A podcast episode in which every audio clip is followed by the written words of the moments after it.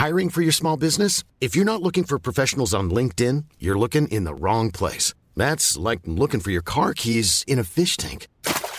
LinkedIn helps you hire professionals you can't find anywhere else, even those who aren't actively searching for a new job but might be open to the perfect role. In a given month, over 70% of LinkedIn users don't even visit other leading job sites. So start looking in the right place. With LinkedIn, you can hire professionals like a professional. Post your free job on linkedin.com slash people today.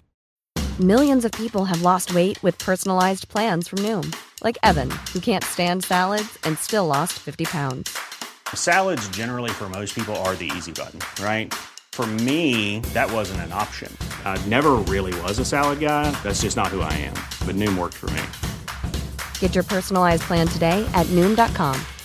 Real Noom user compensated to provide their story. In four weeks, the typical Noom user can expect to lose one to two pounds per week. Individual results may vary. Since 2013, Bombas has donated over 100 million socks, underwear, and t shirts to those facing homelessness. If we counted those on air, this ad would last over 1,157 days. But if we counted the time it takes to make a donation possible, it would take just a few clicks. Because every time you make a purchase, Bombas donates an item to someone who needs it.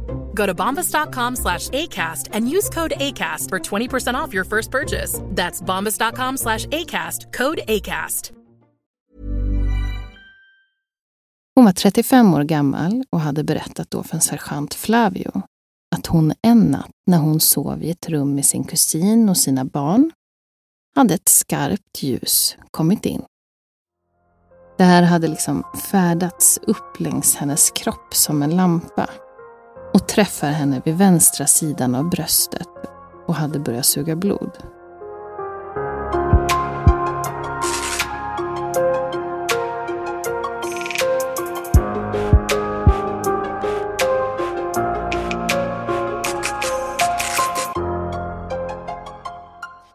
Hade vi? Avsnitt 17. 17. Välkomna tillbaka. The girls are back in town. Girls are back in... The girls are back in town. Okej, okay, fick lite feeling.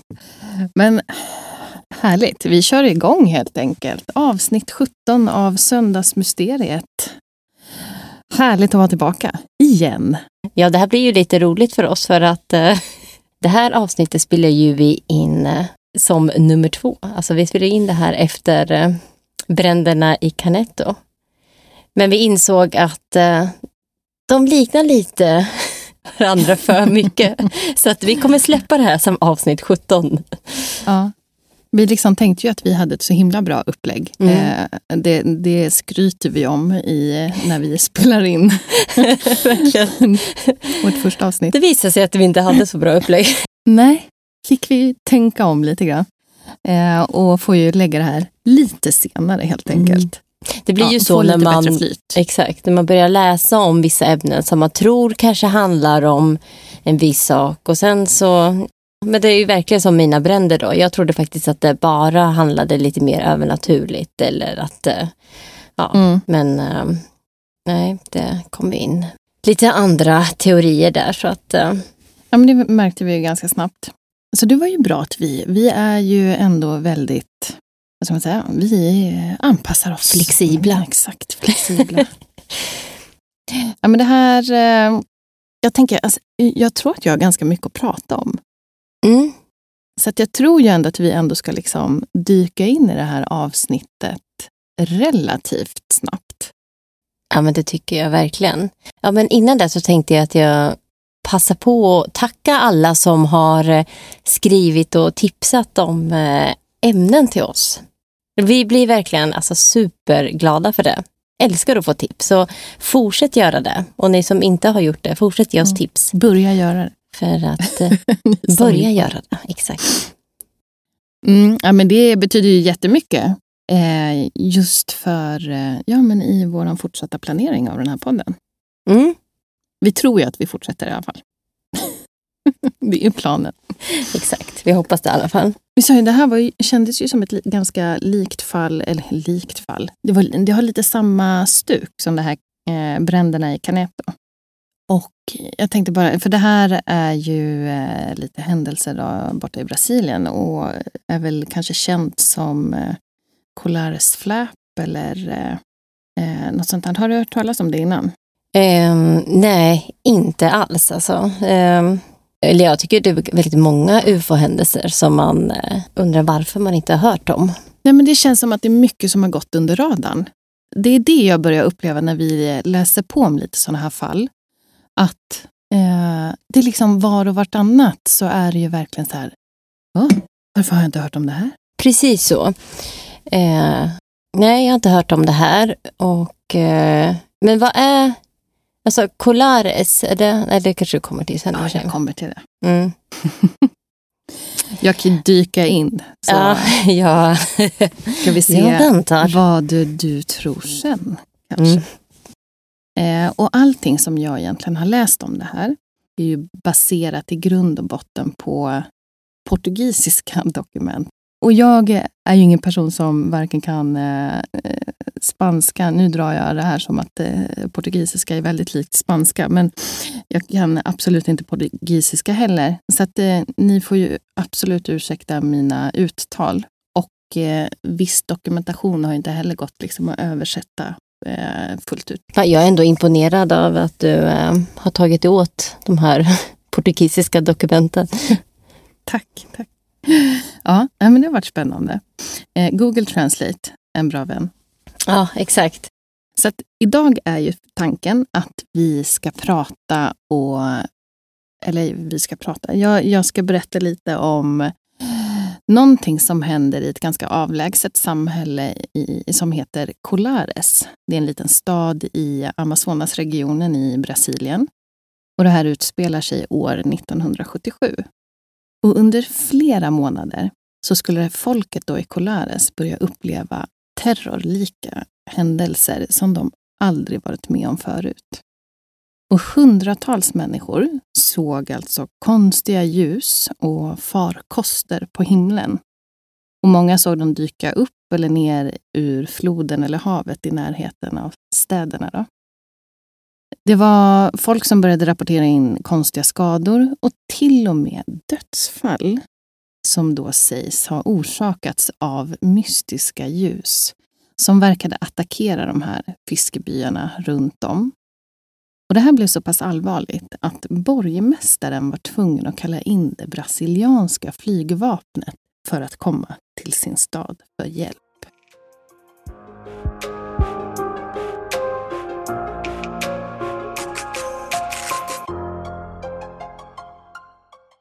För den här historien då, så kommer vi ta oss till Brasilien och staden Colares som ligger i regionen Pará vid Amazonflodens delta. Och det här är ett område med väldigt mycket tropisk regnskog och i och med att man har Amazonflodens delta som går in där så är det extremt mycket våtmark. Och man eh, har ofta, eller långt tillbaka, transporterat sig mycket med båt här i området.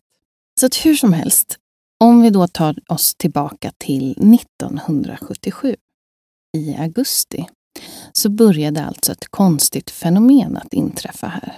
Ett fenomen som man senare kommer att kalla för chupa chupa. Det var märkliga lysande föremål som började dyka upp över de här få städerna som ligger i den här regionen. Och de här föremålen sades då skicka ut tunna strålar av ljus riktade mot de här människorna och människorna som blev träffade av de här ljusstrålarna kunde rapportera om att de svimmade och de kunde vakna av konstiga känslor i kroppen och de kände sig svaga. De vittnade om att det kändes som att en del av deras blod hade sugits ut. Så en fiskare som var bosatt i Colares, Manuel Jao de Oliveira, han var 44 år gammal och promenerade mot stranden tidigt en morgon han hade med sig några vänner för de skulle tillbringa en dag ute på havet för djuphavsfiske. Innan de kommit till sina båtar så såg de ovanför Rio Novo-stranden ett föremål format som ett paraply, stillastående ungefär fyra meter från marken. Från undersidan så sken det ett levande vitt ljus. Men de kunde inte uppfatta något som helst ljud från det här objektet. Sen rörde det sig lika tyst bort mot Macadino, så längre bort från den här stranden där fiskarna var. och ljusen släcktes ner allt eftersom. Ett annat vittne var också Joao Diaz Costa. Han var 44 år gammal vid tillfället och tillsammans med en annan fiskare, eh, Cruz Silva, 54, var båda från Colares som även de hade börjat se lysande sfärer eh, som tog sig runt längs stranderna och fiskeområdena där de var. Och de började bli ganska rädda för de här som flög runt och deras låga flygningar. En äldre man vid namnet Emidio Campos Oliviera hade bott länge i Colares. Han var med om händelser som kom att förändra hans liv för alltid. Det började en varm natt i oktober 1977. Runt klockan elva på kvällen var Emidio redo att gå och lägga sig. Hans fru kommer och ger honom en godnattpuss där han har lagt sig till rätta i sin hängmatta ute i vardagsrummet. När han ligger där så kommer plötsligt ett ljus från ovan. Det här ljuset är så kraftigt att det tar sig genom takets keramiska pannor. Det tar sig genom rummet och bränner till på låret och lika snabbt som ljuset kom så försvann det. Omtumlad men utan förklaring till vad som precis hade hänt försöker Olivera somna om. Nästa dag vaknar han lätt omtumlad och känner sig svag i kroppen. Men han kunde inte förklara vad som hade hänt natten innan. Och han kunde inte heller förklara varför han hade märke på insidan låret. Men det här var varken den första eller sista händelsen här i Colares och området i norra Brasilien som började få besök av okända ting.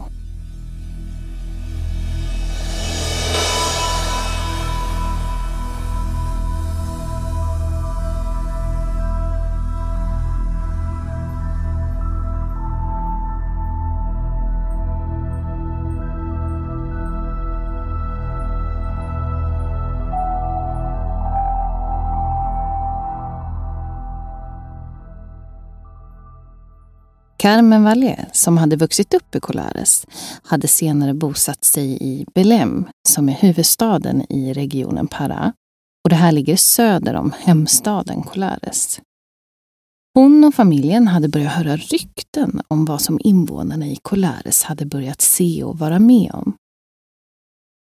Och det började viskas om observationer av olika ljus på himlen och attacker av något som man började kalla för chupa chupa. De här historierna spred ju sig som en löpeld i hela regionen och Carmen beslutar sig för att åka tillbaka till sin hemstad och den lilla byn Ariri som ligger ungefär sex kilometer bort från Colares. Och så fort hon kommer fram till Colares så får hon direkt höra om händelserna och allt drama från sina gamla grannar.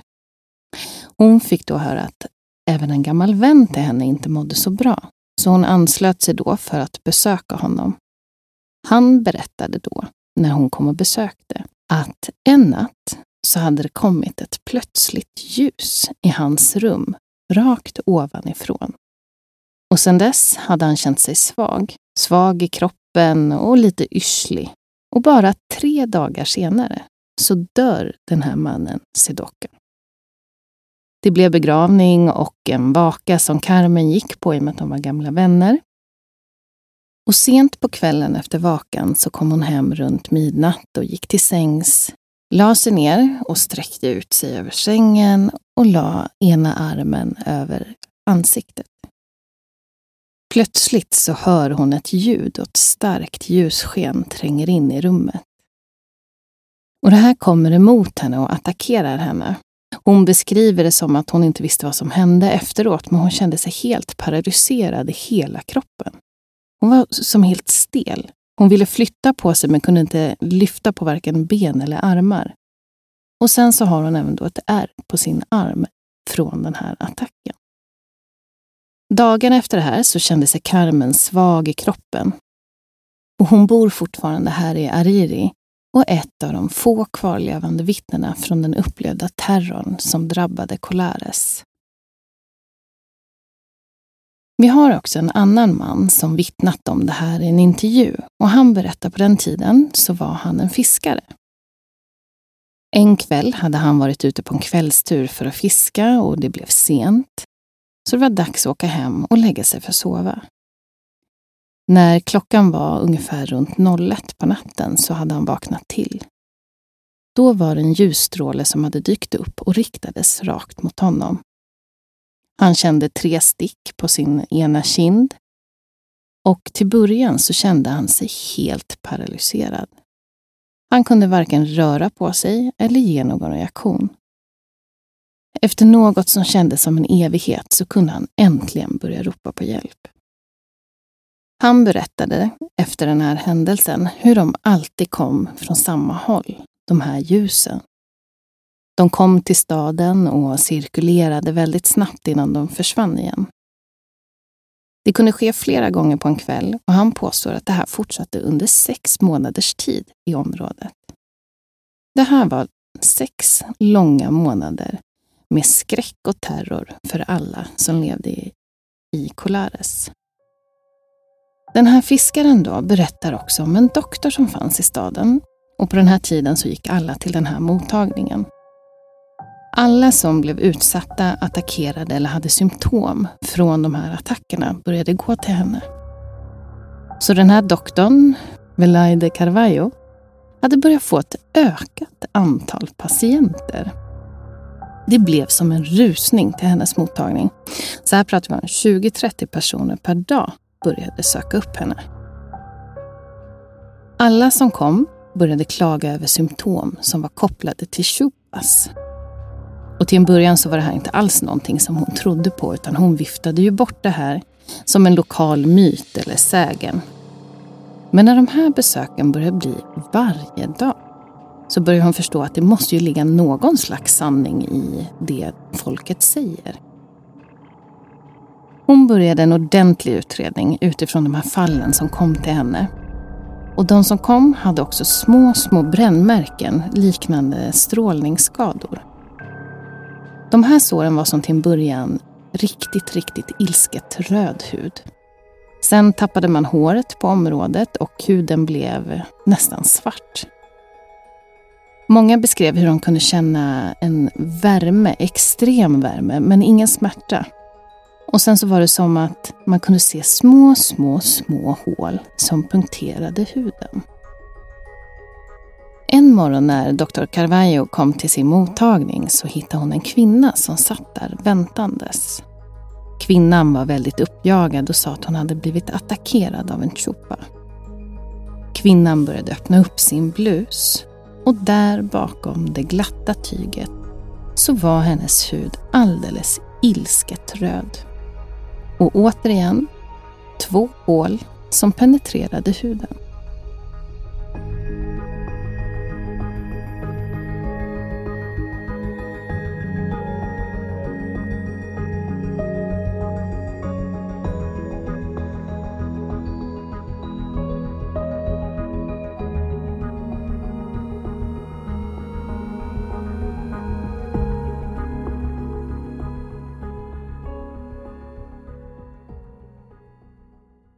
Doktor Carvalho försökte lugna ner kvinnan genom att försöka säga att det inte är något allvarligt och att hon inte får låta det här ta över henne eller överväldiga henne. För doktorn märkte också att det var återkommande symptom.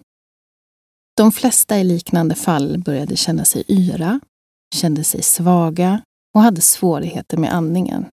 Huvudvärk och en, konstigt nog, minskning av röda blodceller. Tre timmar senare så hade doktorn blivit kallad till den här kvinnans hus och hon får då se henne liggandes i koma. Kroppen var fullkomligt stel och hon kippandes efter andan. Kvinnan hade ingen feber och hade inte kräkts.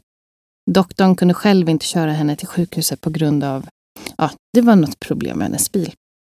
Så kvinnan blev i alla fall ditskjutsad av någon i familjen och doktor Carvalho hon väntade ju spänt på nyheterna kring hur det gick med henne.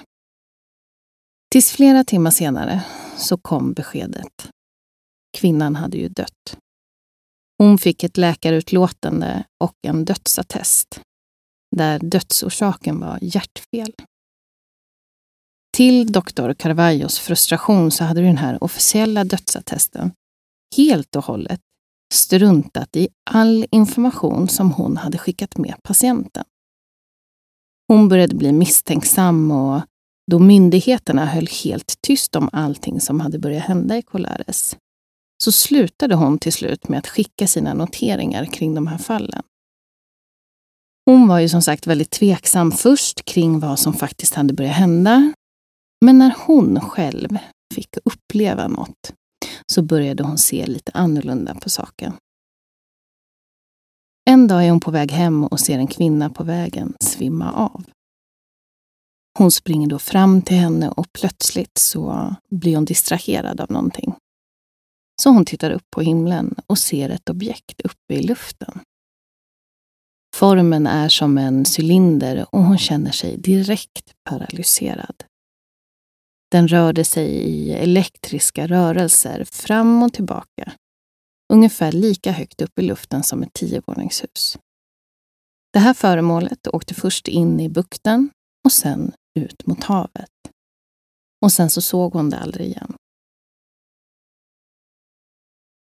Så doktor Carvalho hon började ta det här på allvar. Men trots all information som hon tog vidare i relation till alla sina fall så fick hon aldrig något gehör. Så i ren ilska och frustration så ska hon ha förstört sen ett 30-sidigt dokument som hon hade sammanställt då kring alla de här fallen i Colares. De här dokumenten skulle innehålla observationer då från flera fall, både blodtester och andra biokemiska analyser. För hon verkade hitta i de här proverna att många av offren då hade börjat minska i röda blodkroppar i blodet. Hon kunde liksom inte hitta någon riktig förklaring till det. Men det verkade inte hjälpa direkt i att få någon annan intresserad av att följa upp vad som faktiskt pågick. Det finns ett statsråd som var här i Colares på den här tiden och han blev ju såklart intervjuad om det här och berättar att år 1977 hade rädsla och panik tagit hårt grepp om staden. Folk kunde inte stanna hemma eller leva ett normalt liv på grund av de här ljusstrålarna som kunde dyka upp. Ljuset kom genom tak och väggar hemma hos folk och det påverkade i princip hela staden. Runt 6 000 personer bodde här omkring och han tror att de flesta av de här människorna var med om något och blev utsatta på något sätt av den här rena ondskan som hade börjat härja i Colares. Så det här blev ju absolut någonting som nyhetsbyråer började snappa upp. De blev såklart intresserade av vad som pågick och det var några som fick i uppdrag att börja ta reda på vad som faktiskt hände här. Carlos Mendes är en av de reportrar som tog sig från Belém till Colares tillsammans med en fotograf för att börja intervjua människor om vad de hade varit med om. Inom några minuter av deras ankomst blev de överrösta av uppjagade Kolaresbor. Ungefär ett 80-tal personer blev intervjuade av Mendes under utredningen av de oförklarliga fallen. Varje kommun som han var runt i hänvisade till uppenbarelsen med ett annat namn. Aparello, Luz Vampira och Chupa Chupa. Som bokstavligen också då egentligen kan översättas till sucker sucker, så att någon som suger. Så det här var några av namnen som flodfolket gav till föremålen och fenomenet som hade bevittnats. Trots de här skillnaderna då är likheterna i lokalbefolkningens rapporter tydligare. Och eftersom det här var isolerade samhällen också med väldigt stora avstånd mellan varandra så är det fortsatt intressant för att de beskriver samma saker. Man hade samma fysiska och känslomässiga symptom. Yrsel, huvudvärk och förlamning. Men om vi ser tillbaka då till den här fiskaren som jag berättade om i början. Han berättar ju hur han blev attackerad, men så nämner han också hur allting slutade. För en dag så kommer militären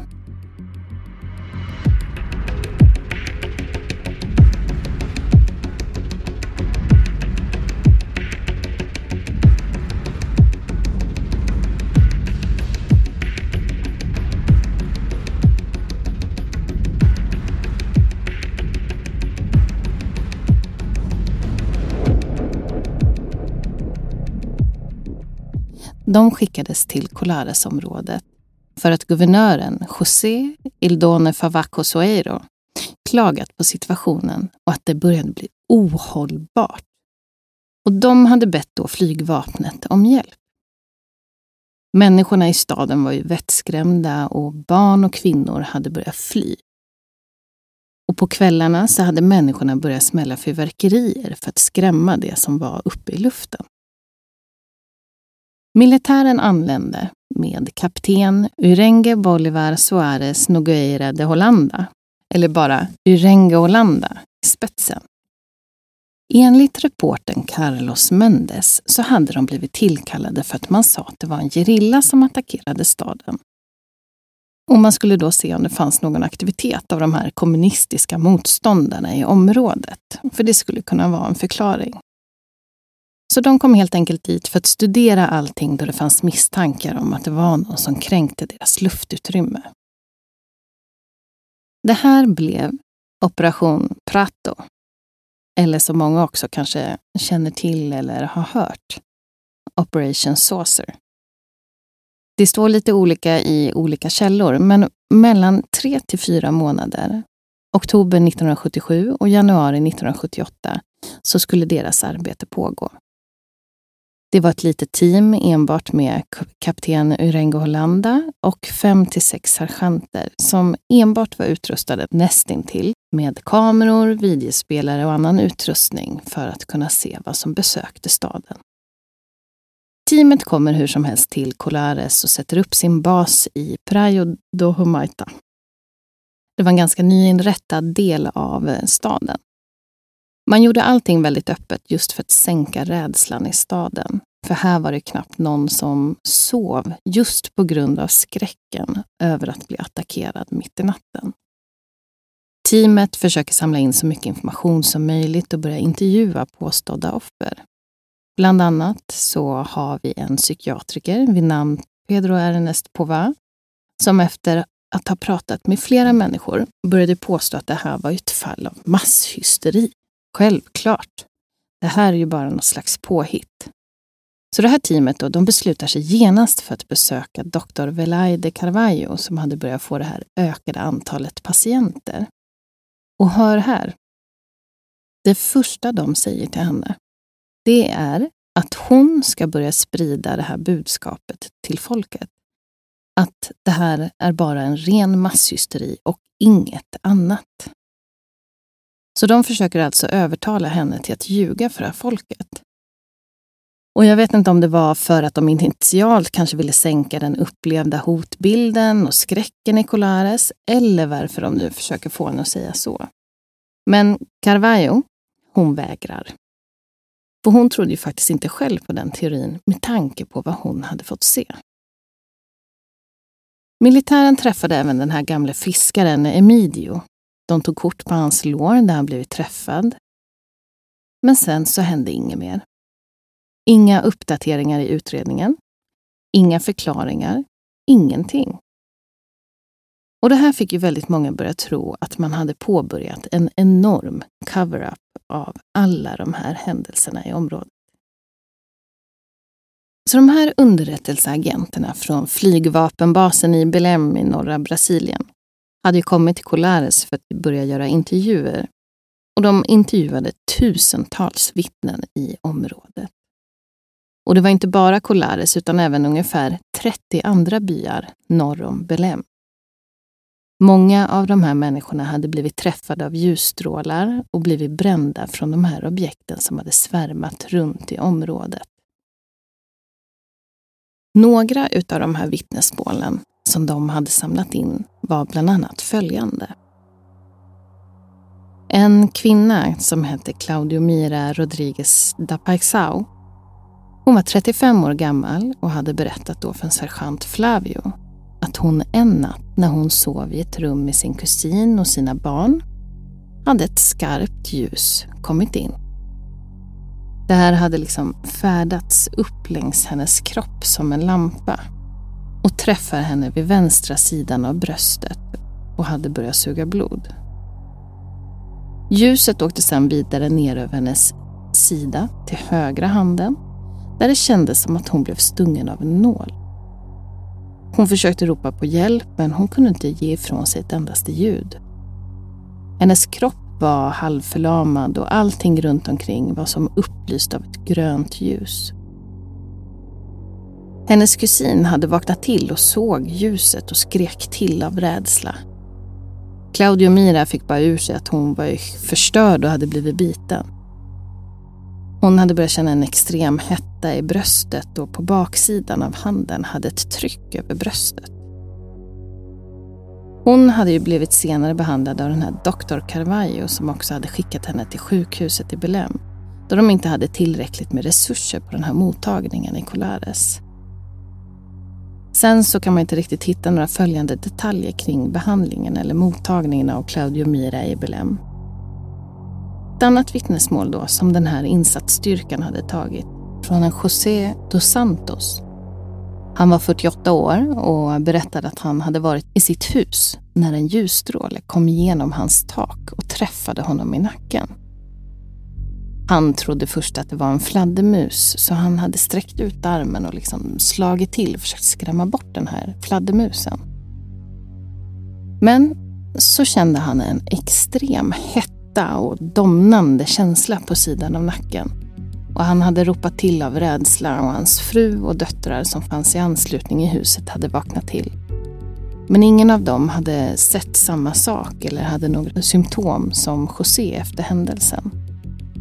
Man kunde heller inte hitta någon riktig förklaring till märket på Josés nacke eller varför det hade blivit sådana blodstänk som hade blivit.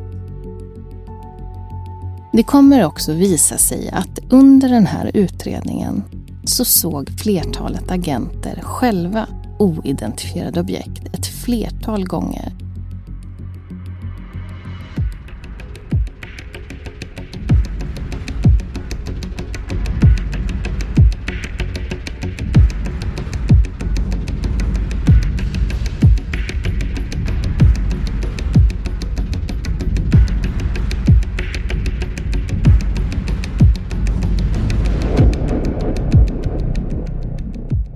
Det blev en del filmer som togs och som visar hur de här objekten dök upp och ur vattnet nära Marajo Bay. De här observationerna sträckte sig från Cape Gurupi som ligger norr om Bissau och sträcker sig åt båda hållen längs kusten. Så det är som ett vågrätt område i norra Brasilien som det här verkar ske. Utredningen höll på i några månader men inofficiellt så fortsätter den 1978 ut och mycket på grund av kanske det personliga intresset som vissa ledande utredare hade. Under sitt arbete i Colare så skrev de en rapport. Insatsstyrkan hade samlat och dokumenterat över 300 nattfotografier och flera filmrullar. En rapport på över 500 sidor, det talas om tusentals, sammanställs tillsammans med en hel katalog fylld med iakttagelser, kartor och utskrivna intervjuer. Man rapporterar om nio typer av olika farkoster som man har sett. Vissa av dem var helt tysta och vissa gav ifrån sig ett dovt ljud som en AC. En rapport som hölls hemlighetsstämplad väldigt länge.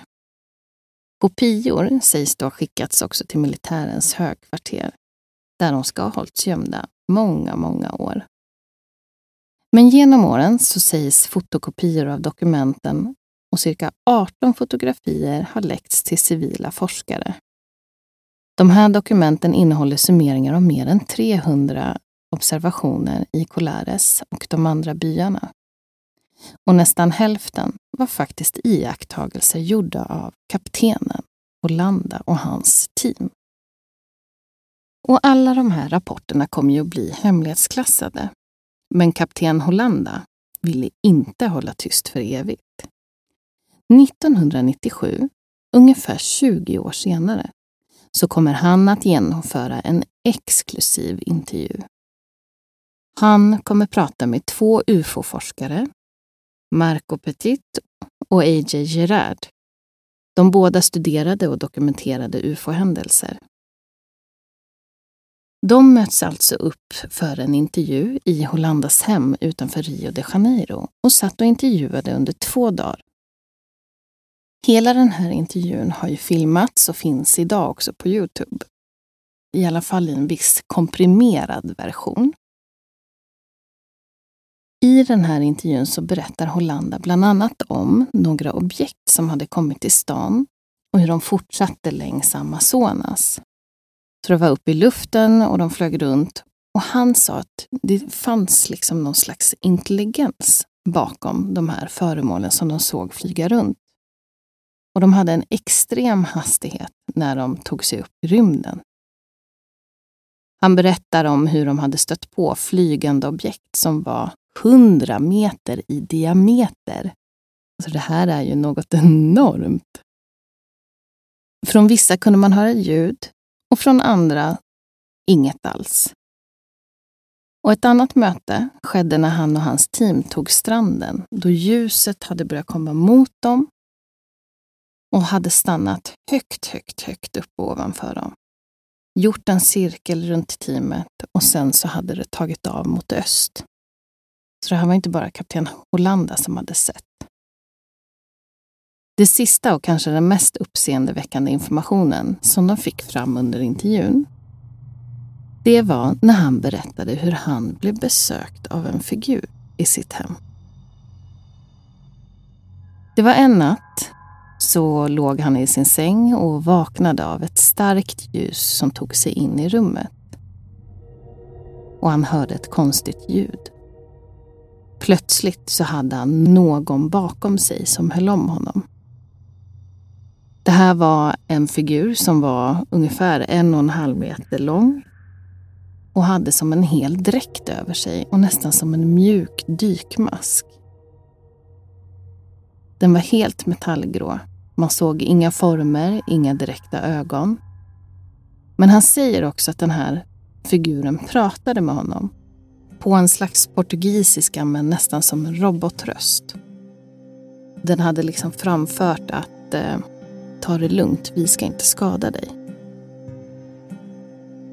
Sen helt plötsligt så hade de försvunnit lika snabbt som den hade kommit dit.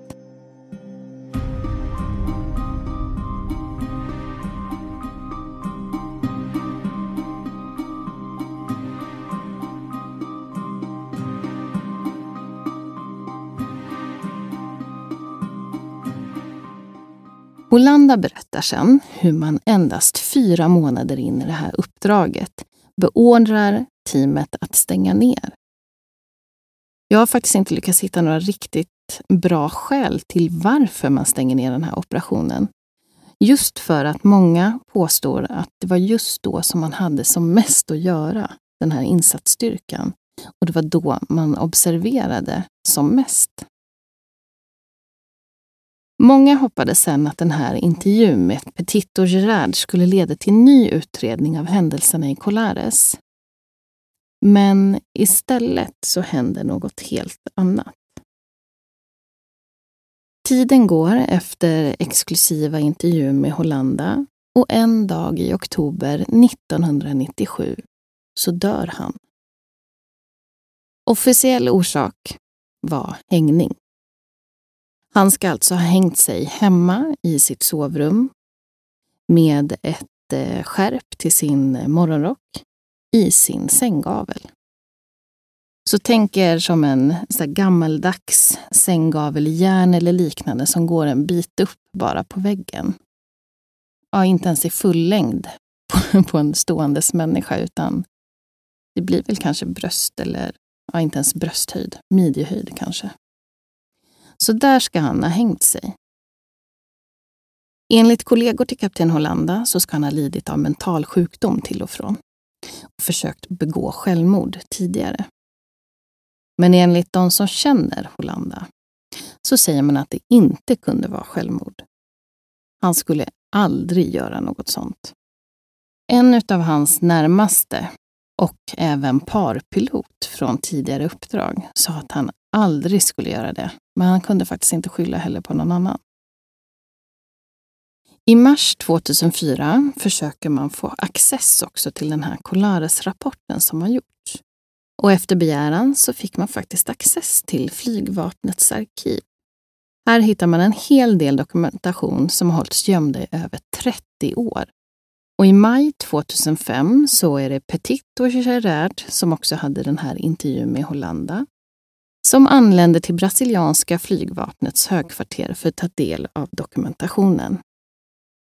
Men man får ju självklart inte access till den fullständiga rapporten som skulle bestå av mer än 2000 dokumentsidor, 500 fotografier och 15 timmar film. Så det man får tillgång till är 110 bilder och 200 dokumentsidor. Vi har en läkare vid namn Daniel Rebissio som studerade de här händelserna som skedde i Colares. Han försökte hitta alternativa orsaker till märkena på människorna. En teori var att det kunde vara fladdermöss, men den avfärdades ganska snabbt då de här fladdermössen som finns i området ger faktiskt mycket, mycket större märken än vad som hade getts på människorna här. Och betten som de ger avger också enormt mycket mer blod, vilket man inte hade i de här fallen.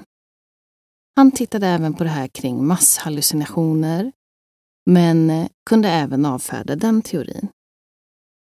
Däremot, på något sätt så verkade han se att det var en väldigt intensiv strålning som paralyserade nervsystemet och extraherade någonting från människorna. Men Rebisius såg även närmare på de här möjliga orsakerna till ljusen. Och under tiden som det här fenomenet sågs i Colares så bekämpade även brasilianska regeringen den kommunistiska gerillan i Pará, där Colares ligger. Så det fanns en misstanke kanske om att det fanns ett visst vapen som användes i det här kriget för att skrämma folk och bekämpa gerillan. Regeringen, de varken bekräftar eller nekar den här informationen. Reporten Carlos Mendes som jag pratade om tidigare, han har ingen riktig förklaring, men tror att mycket av det här att folket är väldigt vidskepliga har spelat en stor roll i att hålla de här historierna vid liv. Människorna var chockade och rädda, men de har alltid levt med en viss legend och folksägen i området.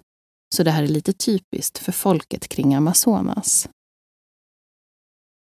Han Marco Petit som var med och intervjuade Hollanda trodde att det var någonting som var där och tog biologiskt material så att de kunde skapa medicin. Kanske ett vaccin för sin egen befolkning. Det vill säga så att man kunde utveckla något slags skydd för sin egen civilisation. Så när de väl skulle komma i kontakt med människan så skulle de vara motståndskraftiga.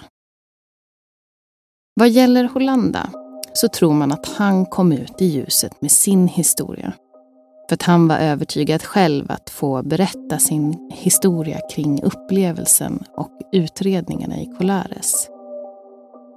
Imorgon kan han dö och han ville inte att informationen skulle dö med honom. Vi blir besökta. Än idag så kvarstår mysteriet kring vad som faktiskt skedde i Colares. Vad var det som flög i himlen kring området? Och varför tror människorna att de blev attackerade av ljusstrålar? Den militära insatsen är fortfarande ett av de största officiella uppdragen som har organiserats för att undersöka oidentifierade flygande föremål som blev känt över hela världen. Men varför vet man fortfarande så lite om vad militären faktiskt har hittat.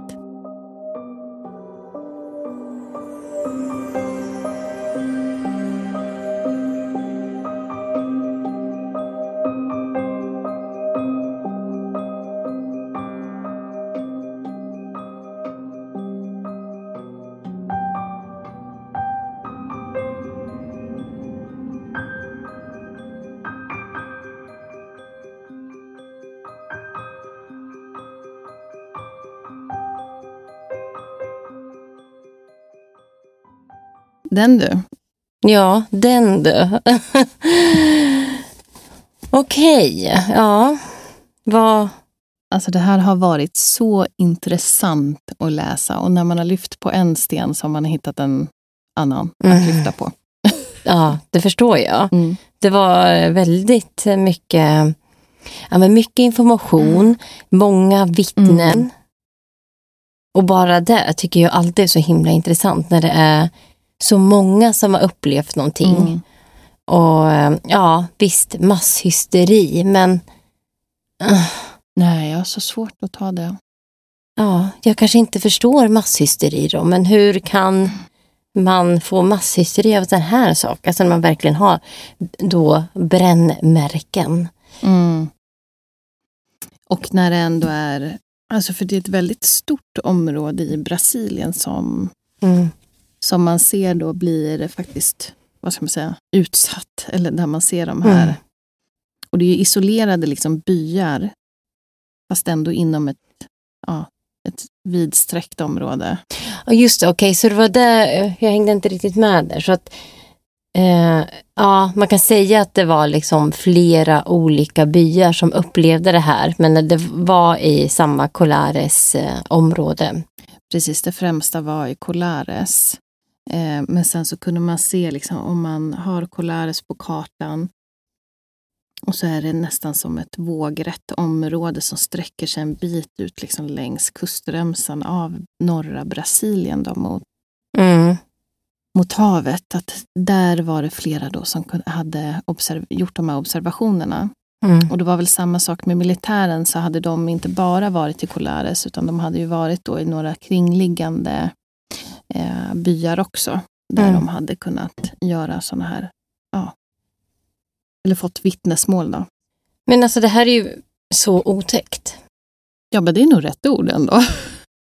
så de ser ljus, eller de ser eh, någonting på himlen.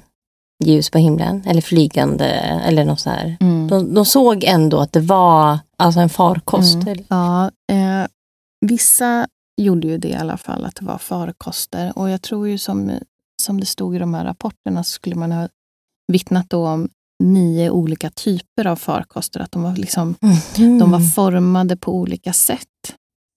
Mm. Eh, bland annat den här eh, doktorn tror jag hade vittnat om, om ett föremål då på, på himlen som var nästan som en upp och nervänd kon.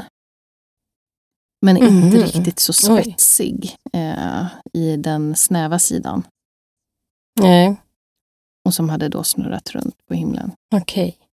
Och de här då, alltså alla de här de såg, de gav, sig, gav ifrån sig någon slags ljusstrålar som eh, mm. ja, sög, sög blod ur. Ja, det är jättekonstigt. Alltså först, mm. först tänkte jag så här, jag bara, nej men vad är det här för skitsnack? Mm. Det låter ju, låter ju jättekonstigt att um, det kommer en ljusstråle som suger blod ja, först och främst så känns, eh, låter det orimligt möjligt, alltså så fysiskt sett. Hur, hur kan en ljusstråle komma och suga blod? Mm. Men när det är så många som vittnar om det mm. och man faktiskt också börjar se fysiska bevis på det. Och som den här doktorn då, hon hade ju tagit massa tester och så. Och då såg man ju att man hade ja, men mycket lägre värden än än vanliga fall. Alltså mindre bl eh, på blodkroppar. Ja, mm. precis. Men jag tycker det alltså ofta så att man eh, eh, när man hör lite kort om det så kan en historia låta så himla otroligt. Alltså man bara, ja ja, visst, okej okay, mm. det kommer någon ljus och suger blod ur människa. Men sen när man får höra lite mer liksom, bakgrund till det och eh, alltså mer detaljerat så blir man ju bara, va? Mm. Och, och igen, varför har man inte hört om det här? Alltså oavsett vad det är för någonting så... Nej, det är ju... Bara, det här är ju hur stort som helst. jag tycker det. det är ju jättestort. Alltså man, eh, man har ett jättestort område i Brasilien. Mm. Han var det 5000 invånare och han tror nästan att alla har varit med om någonting. Mm. Jag menar, det är ju... Kan det bli, det blir ingen masshysteri? Ja, de hade ju... Var det inte det? Alltså tusentals vittnesmål. De har... Eh, mm. och även, eh, det är ju många som vittnar om det. Dels har vi den här läkaren, Carvalho, som hade ökade då fall på, på sin mottagning. Vi har fristående reporter som är där med sin fotograf och gör, han var säkert inte den enda, men det var, det var han jag snappade upp i alla fall, Carlos Mendes, som var runt och intervjuade folk. Och vi har den här militära insatsstyrkan med kapten Olanda som kommer dit och de får ju också. Så det är så många också som då får höra de här vittnesmålen. Bara det gör ju en också att man börjar fundera. Verkligen. Att det inte bara är någon liksom som börjar hitta på massa saker utan Nej, precis. Det är ju verkligen en ordentlig utredning av, av militären i det här fallet. Och, och att den bara helt plötsligt stängs ja. ner. Och man får inte veta någonting vad de har kommit fram till. Men vad, vad stod i de här dokumenten som läckte? Eller inte som läckte, de som, som de släppte. Mm. Mm, det är faktiskt intressant. Men det, det finns... Jag kom över någon slags sammanställning på, på nätet mm. efter lite grävande. Och det är ju portugisiska. Ja, såklart. Ja. Men det är någon som faktiskt har, har börjat översätta lite de där, eh, det man kan översätta. Och det är ju dels sammanställningar av vittnesmål. Eh, bland annat några av dem jag berättade. Eh, men också skisser över de föremålen som man säger sig ha sett. Då. Mm.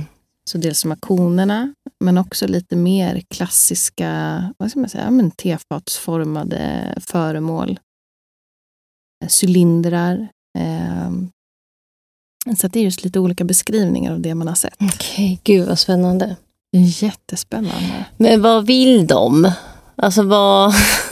Ja. Gud, suga blod ur oss också. Låt oss vara.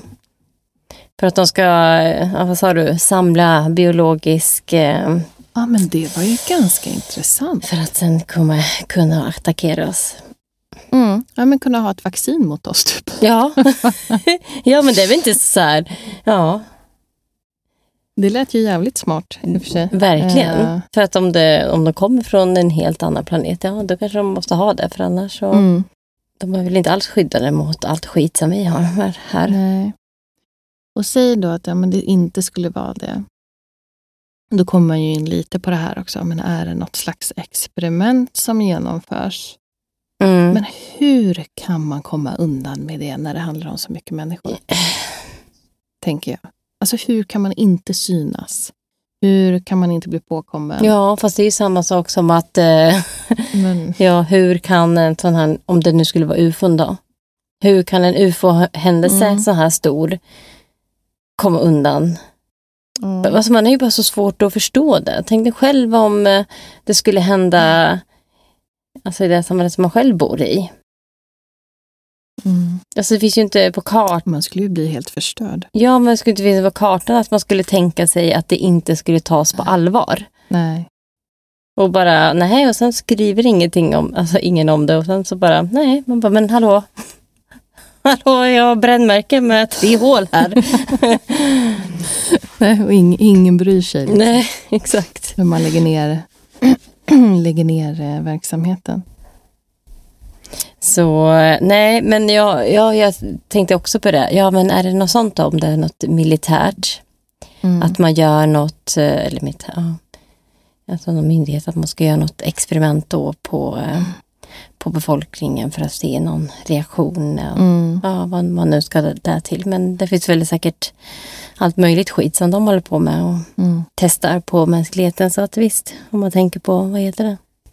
Det här experimentet de håller på med. Med LSD och MK Ultra. Eh, så att ja, det är väl inte ja, helt ja, ja. Otro otroligt att eh, man skulle kunna göra något sånt. Men ja, vad fasiken sitter vi på för teknik då här?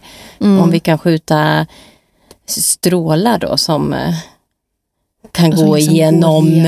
ja, gud vad läskigt. Alltså man kan inte skydda sig.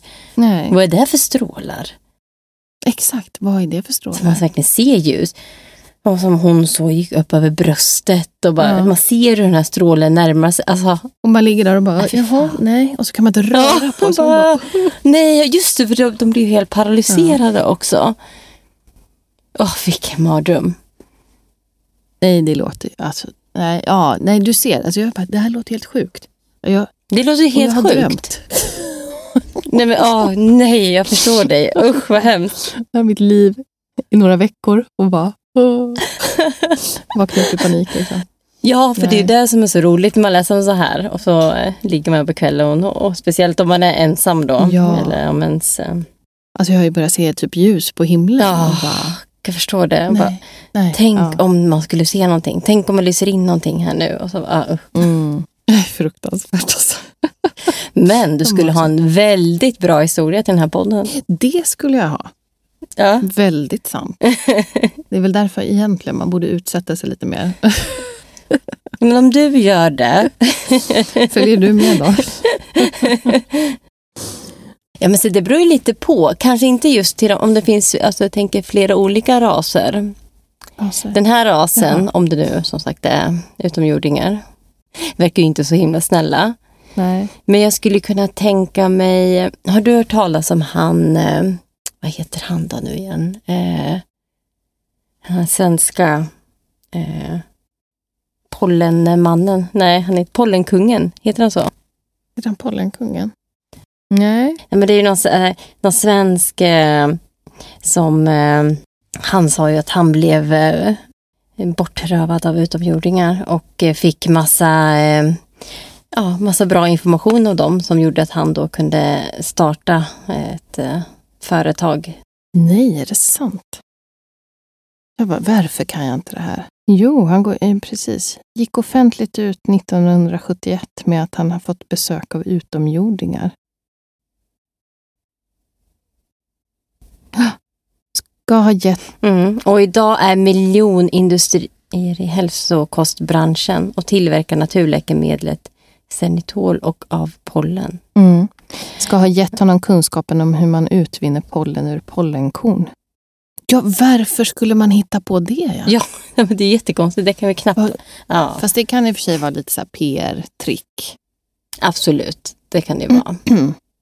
Men om det inte är det, så en sån skulle jag vilja sätta på som ger mig något bra, aha, så jag kan bli. Något tips så man blir miljonär. Exakt typ. så. ja, men det kan vi alla behöva. Då, då följer jag med. ja, då följer jag med. Då kan du räkna med mig. Om vi går tillbaka till det här då att det är något experiment man håller på med. Vad vill man ha ut av det då? Ja, det är en bra jäkla fråga. Då kan man väl snarare, kan man inte bara gå och knacka på då? Ursäkta, vi skulle behöva lite blod här i våra Ja, man tycker kunde.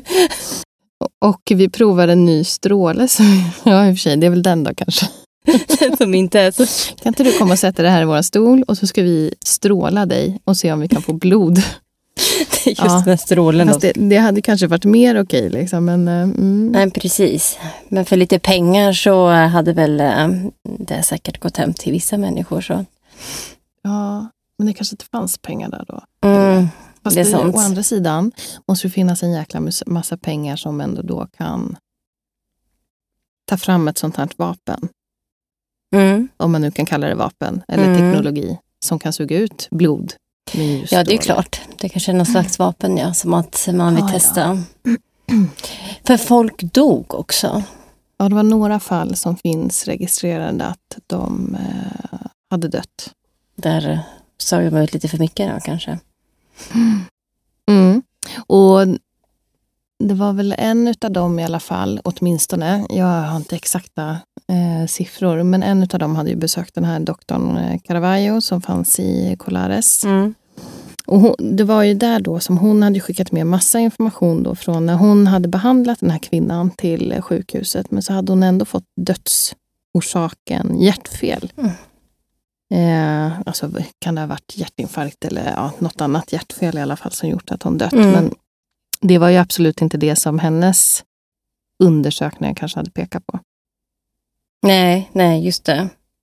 Så det ja, fanns några som dog här omkring. Jag gillar ändå det här när de eh, kommer på idén att de ska liksom skrämma iväg det här och skjuta raketer. Och... Mm. De går ihop. innovativa ändå. Ja. ja, de går ihop mot det här. Liksom. Undrar om det hjälpte. Nej, precis. Mm. Nej, men rätt, eh, rätt spännande. Men man landar ju fortfarande där att det är otroligt vilka händelser som ändå har skett runt om i världen som man inte vet ett jota om helt enkelt. Ja, jag vet. Jag tänkte på så här, undrar om det har några likheter med det här, vad heter Carol mutilation? Oh, alltså det, vi måste ha ett separat mm. avsnitt om det. Men undrar om det är så de gör? När de eh, suger ut blod de här. Mm. Här så, de kanske bara är lite hungriga och vill bara testa lite på vårat blod. Men på mm. kossor gillar de verkligen. Så Exakt. det är väl bara... Ja. Sucker, sucker. Tar de alltihopa. alltihopa.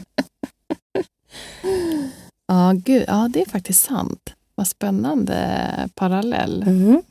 Men jag läste också faktiskt att det här, eh, det är ju inte varken första eller sista gången heller som det händer sådana här eh, vad ska man säga, ufo-observationer i Brasilien. Mm. Så det var ju faktiskt inte så länge sedan. Alltså det, det, känns som att det verkar vara någon slags hotspot.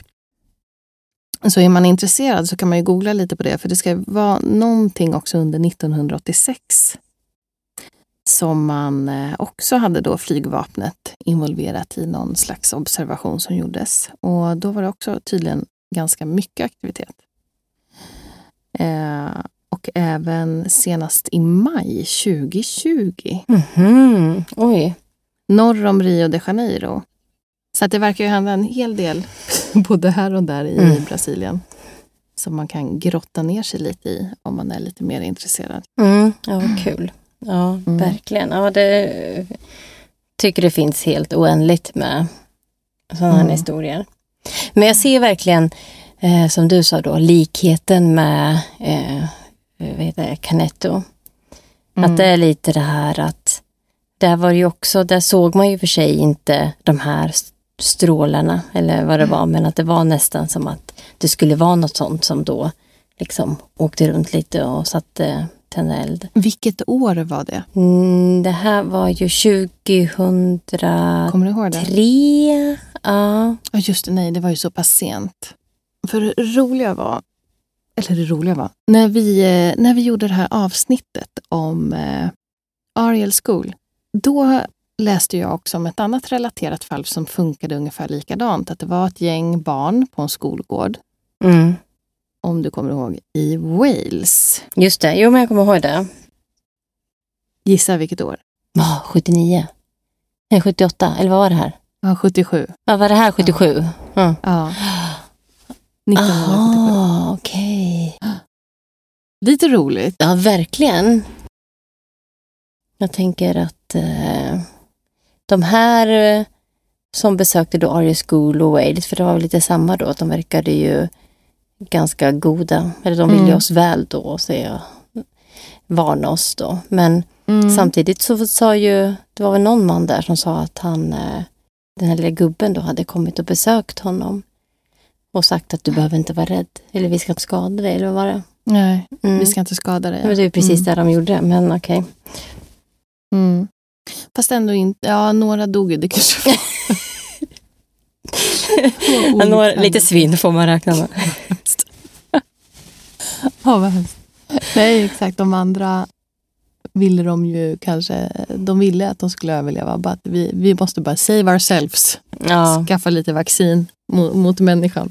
Ja, precis. Mm. Ja, det är ju ändå save yourself first. Ja, men det är lite kul när man spinner vidare på det och jag vet inte om man blir lite för insyltad, men man börjar ju dra liksom trådar och se samband. Och man blir helt kanske paranoid. Jag vet inte. Jag vet, det är verkligen så. Mm. Men jag tycker det är lite kul där, när man verkligen börjar göra det. Och, mm. ja, otroligt spännande i alla fall. Och, men ja, men de har inte haft någonting efter det. Inte i Colares, men det var väl lite i några andra områden där som det var grejer som hände. Och jag såg ju faktiskt också något Youtube-klipp där det var några som skulle ut och intervjua folk i Colares, men det är nästan inga som vill prata med nyhets, eh, eller nyhetsbyråerna, men de här kanske mer privata utredarna också som tar sig dit. Då smiter folk nästan undan och vill inte höra talas om vad som hänt. Nej, okej. Okay. Ja, men det finns mycket att, att hitta om man är mer intresserad. Så, så finns det faktiskt några Youtube-videos och mycket information på nätet. Mm. Ja, det är bara att ni grottar vidare i det här. Och eh, om två veckor igen så är vi tillbaka med det blir vårt eh, sista avsnitt. Ett nytt avsnitt och det blir vårt sista för den här säsongen. Yes, och då kanske vi ska släppa wow. en liten eh, nyhet. Åh oh, gud. ja, men vi kanske släpper ja, en liten bomb. Nej, lite bomb, det lät lite väl. Ja, vi kanske släpper en liten news. En liten news, ja. Mm. Ja, men det kanske vi gör om vi känner att vi är på rätt humör. Mm. Absolut. Vi ska väl diskutera det här lite först. Ja, men det kanske vi ska göra. Jag vet inte.